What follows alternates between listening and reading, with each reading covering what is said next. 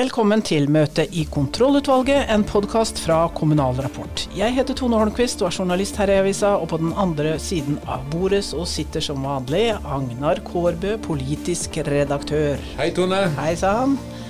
Det er eh, tid for lønnsoppgjør. Vi skal, har snakka med alle arbeidstakerorganisasjonene, og i dag kommer forhandlingsleder for KS Tor Arne Gagsø i studio og klargjør arbeidsgivernes posisjon. Så skal vi til Alta, som skal ha folkeavstemning om eventuelt fylkesbytte når fylkeskommunen Troms og Finnmark blir oppløst. Og til slutt i dag skal vi ha en god og lang påskeprat med fagsjef Dag Henrik Sandbakken om formannskapsmodellen. Han reiser landet rundt og diskuterer modellens muligheter med ulike kommunestyrer. Og Det handler altså om konflikt og samarbeid i Kommune-Norge. Og til slutt et par kommunale aprilspøker. Er dagsorden godkjent? Dagsorden er godkjent, og møtet er satt.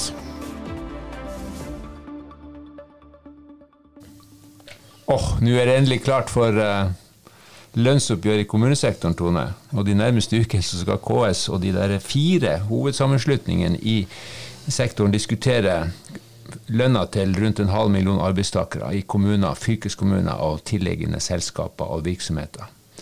Forventningene er jo høye hos mange av disse arbeidstakerne. Og er det mulig å innfri kravene som skal gjøre at alle disse syns de har fått lønn som fortjent? Vi har med oss eh, forhandlingsdirektøren i KS, Tor Arne Gangse, for å prøve å få klarhet i dette. Velkommen til deg. Takk for det. Du, eh, vi skylder å gjøre lytteren oppmerksom på at dette her spilles inn mandag 4. mars. Og det er dagen før Nei, april. April, ja. Dette er ingen aprilsnarr. Nei. Men det er dagen før hovedstyret i KS skal behandle forhandlingsmandatet. Men vi spør deg likevel, som vi har gjort til de andre aktørene, Tor Arne Gangsø. Hva slags forventninger har KS til oppgjøret? Vi har en klar forventning om at vi skal uh, ha gode forhandlinger.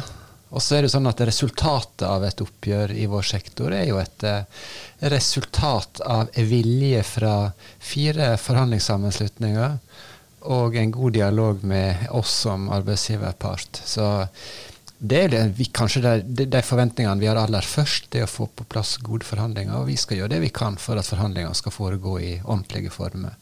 Men så er det jo ingen tvil om at eh, forventningene til dette oppgjøret er veldig store. Nå fikk vi jo i, rett før helga på plass ei frontfagsramme Eh, den er på 3,7% Det er ganske mye penger. Det er vel kanskje mer enn mange hadde sett for seg at det skulle bli som resultat. Og Det er klart det betyr jo igjen at partene har litt mer penger å håndtere i dette oppgjøret. Føler du deg bundet av frontfagsmodellen nå? 3,7, er det noe dere sikter dere inn på? Normalt vil jo KS eh, stort sett alltid legge seg på en type altså Frontfaget gir jo et bilde av det, det, som skal bli resultatet. Men vi har jo aldri oppfatta frontfaget verken som et tak eller som et gulv.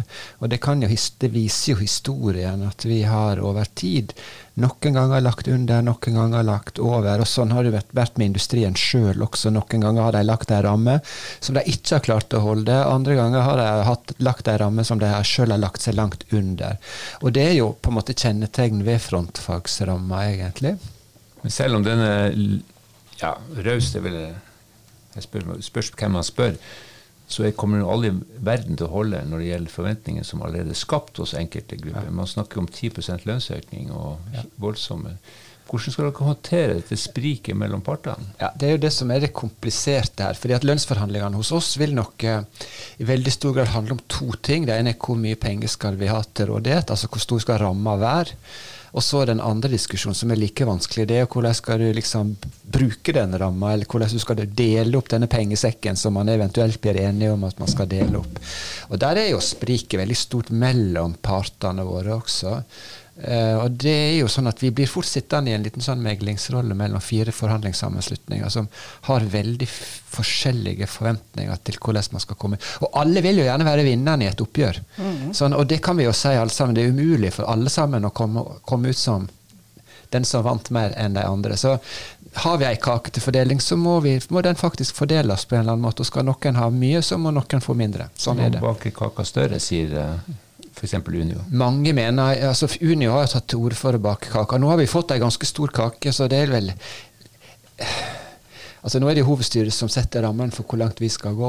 og Det, det, det kommer hovedstyret til å gjøre på en god og ryddig måte i morgen. Um, men normalt så vil det være krevende for kommunal sektor å bevege seg langt utover denne ramma her. fordi at det er jo kommunen som skal betale for dette. Det er jo ikke sånn at uh, det renner inn med penger i kommunekassa fordi om industrien har framforhandla en relativt høy frontfagsramme. Eh, LO er mest opptatt av å løfte hele laget. Mm. Eh, akademikerne er opptatt av lokale potter for å tiltrekke seg diverse arbeidsgrupper. Hva tenker du om det? Nei, det er jo et veldig godt bevis på at det er veldig ulike forventninger til hva som skal være løsninger. Um, så det, det, må vi på en måte snakke om rundt forhandlingsbordet. og det er sånn at Skal uh, man få gjennomslag for noe, så må de andre være enig i kravene sine. Det er bare sånn det Det er ikke sånn at det sitter en arbeidsgiverrepresentant der og bestemmer hvordan ting skal være. Det er reelle forhandlinger. og Det betyr at man må ta og gi rundt et forhandlingsbord.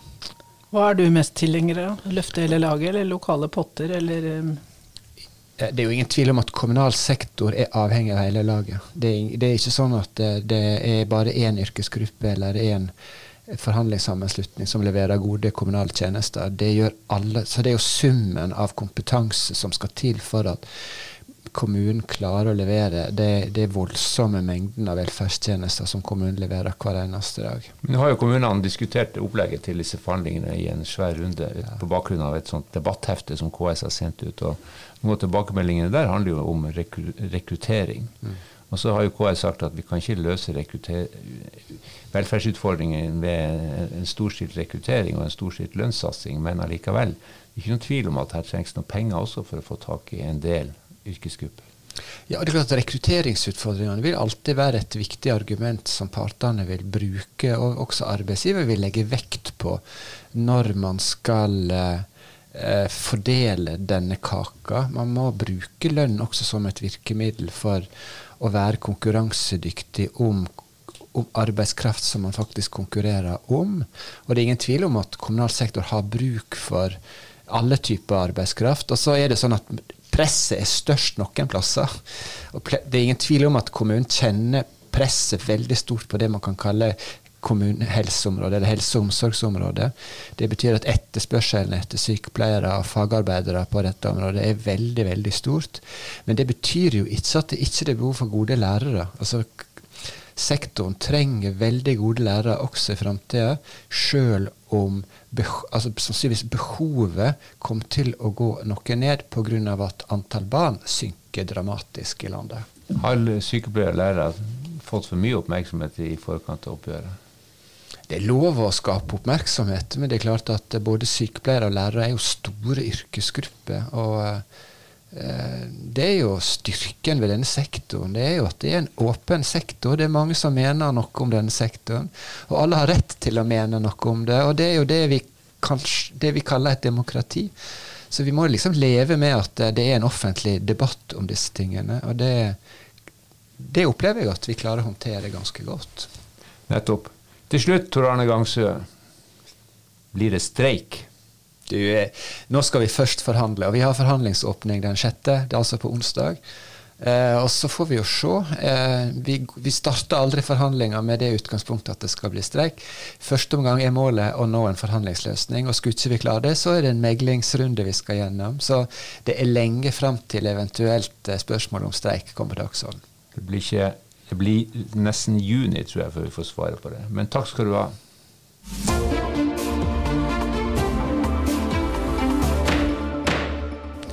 Da har vi med oss eh, ordfører Monica Nilsen fra Alta. Og i går var det kommunestyremøte der oppe. De bestemte da at det skal være folkeavstemning i eh, Alta om, om eh, fylkestilhørighet.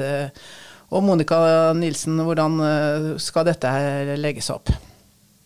Ja, vi skal ha en folkeavstemning før 16. mai, der innbyggerne skal bli spurt om om man ønsker å søke en flytting til Troms fylke. Så det, blir enk, et enkelt spørsmål. Vil du være i Finnmark, eller vil du være i Troms? Vi har en, en, arbeidsgruppe som er tverrpolitisk som skal uh, lage det valgskjemaet. Så, så det blir en, uh, en, liten runde der om det skal være spørsmål om uh, Finnmark eller Troms. Og det i tillegg skal være et spørsmål om man hadde sett for seg at man helst skulle ha fortsatt med Troms og Finnmark, som veldig mange i Alta er opptatt av. De skulle helst sett at det kanskje ikke ble en deling av Troms og Finnmark. Men det løpet er vel kjørt, er det ikke det? Delinga? ja, delinga vil nok med all sannsynlighet bli gjennomført. Eh, vi, vi, vurderer om vi likevel skal spørre om det bare for å synliggjøre eh, det, men eh, det er ikke noe vi har avgjort ennå. Dere har jobba med å kartlegge en del fakta om hvordan det kan bli, enten i Troms eller i Finnmark. Men det har vært vanskelig å få fram fakta, etter hva jeg forstår? Ja, vi har jo satt i gang denne prosessen med folkeavstemning. og Politisk så føler jo vi et ansvar i forhold til å kunne fortelle innbyggerne hva man sier ja til og hva man sier nei til. Så vi har eh, jobba iherdig for å få eh, informasjon. Vi har hatt møte med kommunalministeren, vi har hatt samtaler med fylkesråd. Vi har vært i kontakt med ulike eh, beslutningstakere. Eh, resultatet er at vi har fått noen svar, men vi eh, skulle gjerne ha mer informasjon før vi går til folkeavstemning. Hvilke da? Det handler om Nord-Norge-tilskudd og forvaltningssone og litt sånne ting? Ja, det er jo viktig at man vet hva man eh, sier ja eller nei til. Altså, hvordan vil det bli i det nye Finnmark? Eh, hvordan vil det bli dersom vi går til Troms? Hvordan påvirker det her inntektssystemet, videregående skoletilbudet, samferdsel? Det er, jo, det er, jo, mange ting som kan påvirkes av det her, og det har vi vært opptatt av å prøve å finne ut eh, nok om i forkant. Hvis det blir et flertall for å løsrive seg fra et nytt og mindre Finnmark, hvor realistisk er det at dere får gjennom en sånn søknad når dere sender den til departementet? Ja, Det har vi heller ikke fått svar på. Vi har jo eh, også ønska å vite, dersom vi søker, om vi da eh, får lov til å, eh, å bytte fylke. Hva tror du? Det, jeg ser jo for meg at eh, et Finnmark eh, uten Alta blir veldig lite. Vi er jo en vekstmotor eh, i vår region. så det er jo ting som kanskje taler mot det, men samtidig så er det jo noe med, med demokrati. Og, og, og, vi samarbeider jo veldig mye med de kommunene sør for oss, Tromsø, Bodø, Harstad. Eh, og er jo mye lik dem. Så eh, vi håper at vi får en, eh, en fair behandling av det dersom, dersom eh, Finnmarks, eller Altas befolkning ønsker å at vi skal sende den søknaden. Det er jo ikke sikkert at det blir realiteten. Er det et um, uttrykk for uh, en stadig uh, grunnleggende frustrasjon knytta til sykehusstrid i Finnmark? Ja, den Sykehussaken har jo, uh, har jo regjert i veldig veldig mange år. og Det er jo mye frustrasjon rundt de tingene. Men det, det, handler liksom ikke bare om én sak, det her. Det, det, er på en måte totaliteten. Vi har jo erfart god kompetanse, god rådgivning eh, fra det nye fylket. Så vi er nå litt bekymra for at ting skal bli akkurat sånn som før. Samtidig som vi føler et ansvar både for eh, Alta, men også for eh, kommunene rundt oss. Ja, For du syns det er en dårlig idé å dele dette nye fylket?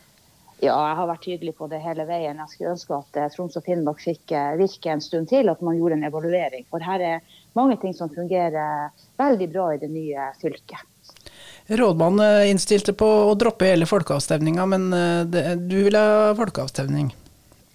Ja, eh, administrasjonen har jo fått en ordre fra oss å utrede det her. og det er klart Når de ikke får nok informasjon til å kunne anbefale eller til å gjøre de vurderingene, så, så er det på en måte administrasjonen sin jobb å, si at, eh, å innstille på det de mener er status nå.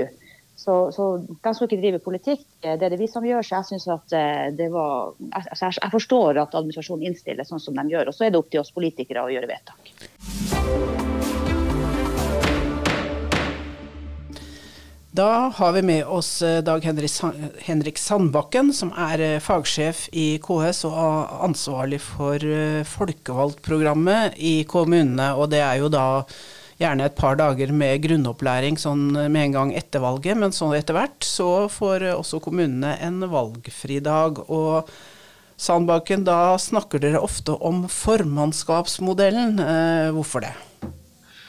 Eh, det gjør vi for det første fordi at eh, de aller aller fleste kommuner styrer etter, etter formannskapsmodellen. Blant kommunene er det bare Oslo og Bergen som har parlamentarisme. Men vi har jo parlamentarisme på riksplan. altså storting, regjering. Stortinget er jo en parlamentarisk forsamling, og det gjør at vi får veldig mange inntrykk fra parlamentarismen som eh, til en viss grad kan ha en tendens til å smette inn i en formannskapsstyrt eh, kommune. Og Det diskuteres eh, ganske mye rundt omkring i Eh, kommunene. Rett og slett hvordan kan en forstå formannskapsmodellen, og hvordan kan en praktisere den på en best mulig måte. For Det snakkes mye om opposisjon og posisjon i formannskapsmodellen også. Ja. Alle kommuner snakker om det, så, men det er egentlig ikke like relevant?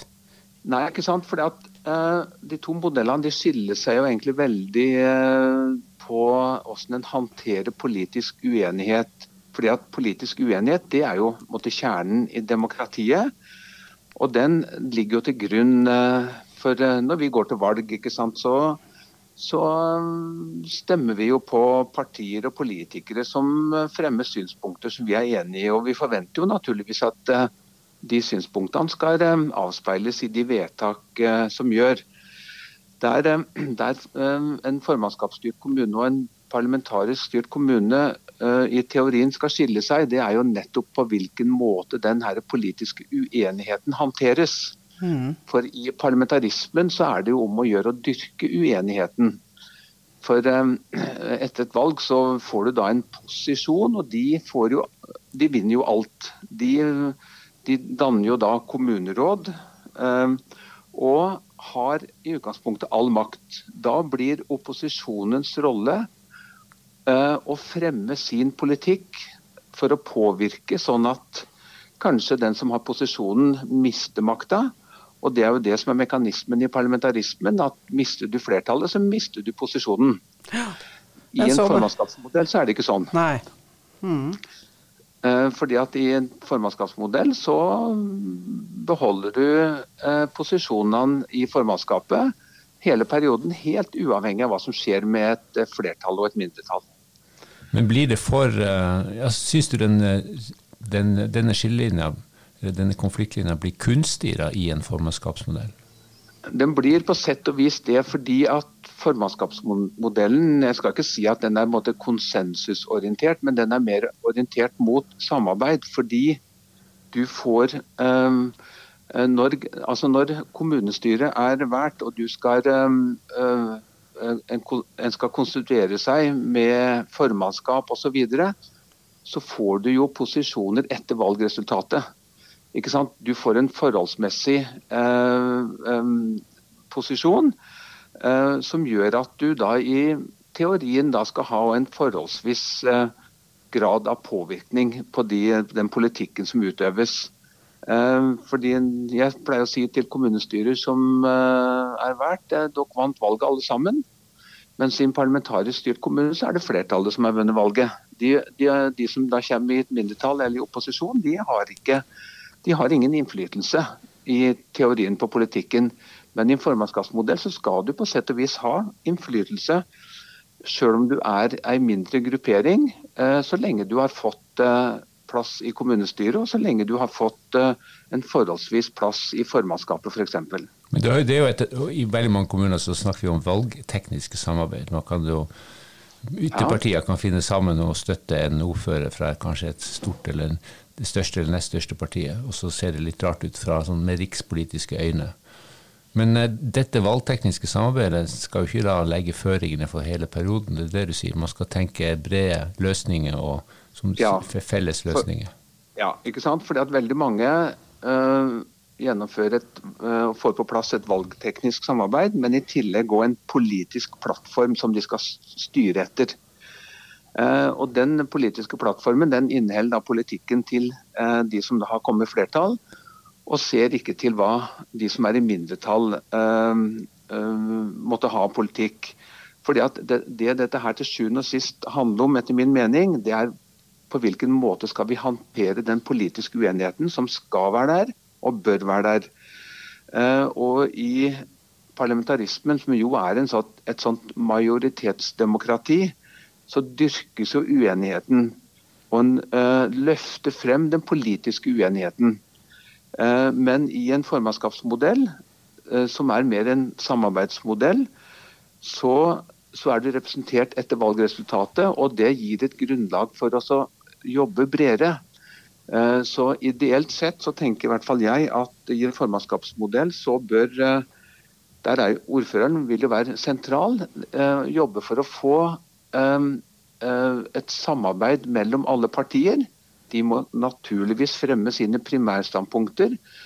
Men så er spørsmålet skal du stå på dine primærstandpunkter, eller skal du inngå et samarbeid for å kunne påvirke politikken i en viss retning. Og Det er jo det formannskapsmodellen bygger opp under, at du kan påvirke i en viss retning. Det stiller store krav til at ordføreren er raus og inkluderende i, i, politiske, i, sitt politiske arbeid?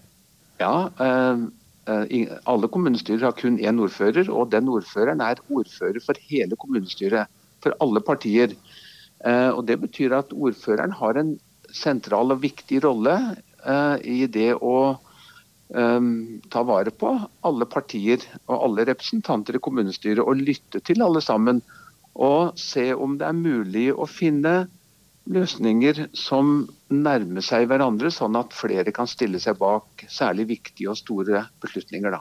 Hva, jo, hva sier jo... representantene der ute til dette her? Eh, er det et, noe de har tenkt på, eller tenker de bare opposisjon og posisjon? Eh, veldig ofte så tenkes det bare posisjon og opposisjon, men jeg erfarer jo at særlig de som da er i mindretall, syns dette her er interessant. Eh, jeg opplever nok òg at veldig mange ordførere syns dette her er interessant, fordi de er opptatt av å være ordfører for hele kommunestyret, og sånn sett lete etter arbeidsmåter som gjør at de kan inkludere flest mulig. Dette her har jo også stor betydning i forhold til det å kunne motivere til videre innsats i lokalpolitikken. Eh, du kan jo tenke deg å sitte i fire år og ikke ha innflytelse på noe som helst. Det er ikke særlig interessant. Eh, og du vet at eh, posisjoner de er valgt for fire år. Det er ikke mulig å gjøre noen endringer på det. Og Derfor så tenker jeg at det er viktig å jobbe sånn at flest mulig får mest mulig innflytelse og sånn sett bli motivert for eh, videre innsats. Og Vi vet jo eh, både fra lokaldemokratiundersøkelsen, men fra annen forskning, at eh, der samarbeidsklimaet legger opp til å lytte til hverandre og prøve å finne brede løsninger, der trives de folkevalgte bedre enn i kommuner hvor det er veldig markerte skiller mellom et flertall og et mindretall. De som da sitter i det mindretallet, de trives ikke så godt som uh, sine politikerkolleger som er i en, det vi kan kalle en samarbeidsmodell. Du var jo inne på det, Politikk handler jo både om konflikt og ikke minst å håndtere konflikter. Men man kan jo ikke viske ut alle politiske skillelinjer. Vi har valg om halvannet år. Jeg var på Høyres landsmøte sist helg. De er opptatt av å finpusse sin profil. Det må jo være en grunn til at folk skal stemme på det ene partiet og ikke det andre? Helt klart. Og eh, må, alle må fremme sine primærstandpunkter eh, og eh, synliggjøre dem. Men spørsmålet er hvor lenge skal du, skal du stå på primærstandpunktet helt frem til avstemming og sånn sett tape alle avstemminger, eller skal du gå inn i en dialog for å se om du kan påvirke vedtaket i en viss retning som nærmer seg ditt primærstandpunkt. Eh, det er, og det er der jeg tror liksom de her modellene eh, skiller seg. Hvor formannskapsmodellen legger et godt utgangspunkt for nettopp det siste. Og prøve å finne løsninger, brede løsninger som, eh, som flere kan stille seg bak. Takk Henrik Sandbakken. Denne, dette er en viktig lokalpolitisk og lokaldemokratisk diskusjon, men takk for innspillet.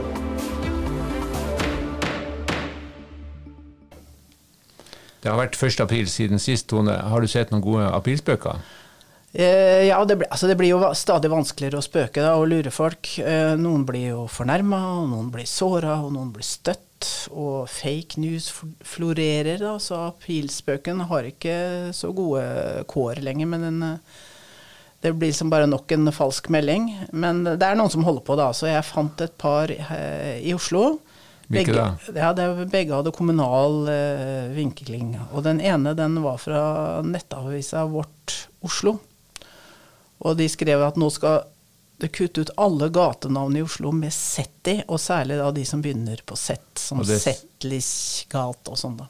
selvfølgelig på bakgrunn av krigen i Ukraina, hvor uh, russerne bruker sett som et uh, symbol for uh, sin krigføring. Ja. Det var ikke så morsomt. Det var ikke så morsomt. Men det, noen kunne kanskje tenke at det var sant, at de har jo tenkt å døpe om plassen foran den russiske ambassaden til Ukrainas plass. Okay. Så det var litt i den gata der, da. Så det, Ok, Og den andre spøken, det var Den andre spøken, det var, det var en skole som sendte ut en mail til lærerne sine om at MDG i byrådet hadde nå bestemt seg for å kutte ut kaffe, som jo er eh, lagd av bønder som har reist langt, og bytte ut det da med grønnsakssmoothie fra grønnsaker dyrka på gårder i nærheten av Oslo. Veldig godt eh, forslag, men å Ja. med kaffe på arbeidsplassen, det Eh, Nei, vi vet det, at du tuller ikke med det. Og, og det, så heldigvis var jo dette her eh, en spøk, bare, da. Altså. Så det blir fortsatt kaffe på lærerværelset, men eh, jeg vet at det var noen et par sekunder der som tenkte ja, det òg. Det, Ja. ja. Ikke bare alle disse sykkelstiene, men dette også. Man Ja. holder med kjøttfri mandag. Ja. Ok, vi, eh, vi gir oss her. ja.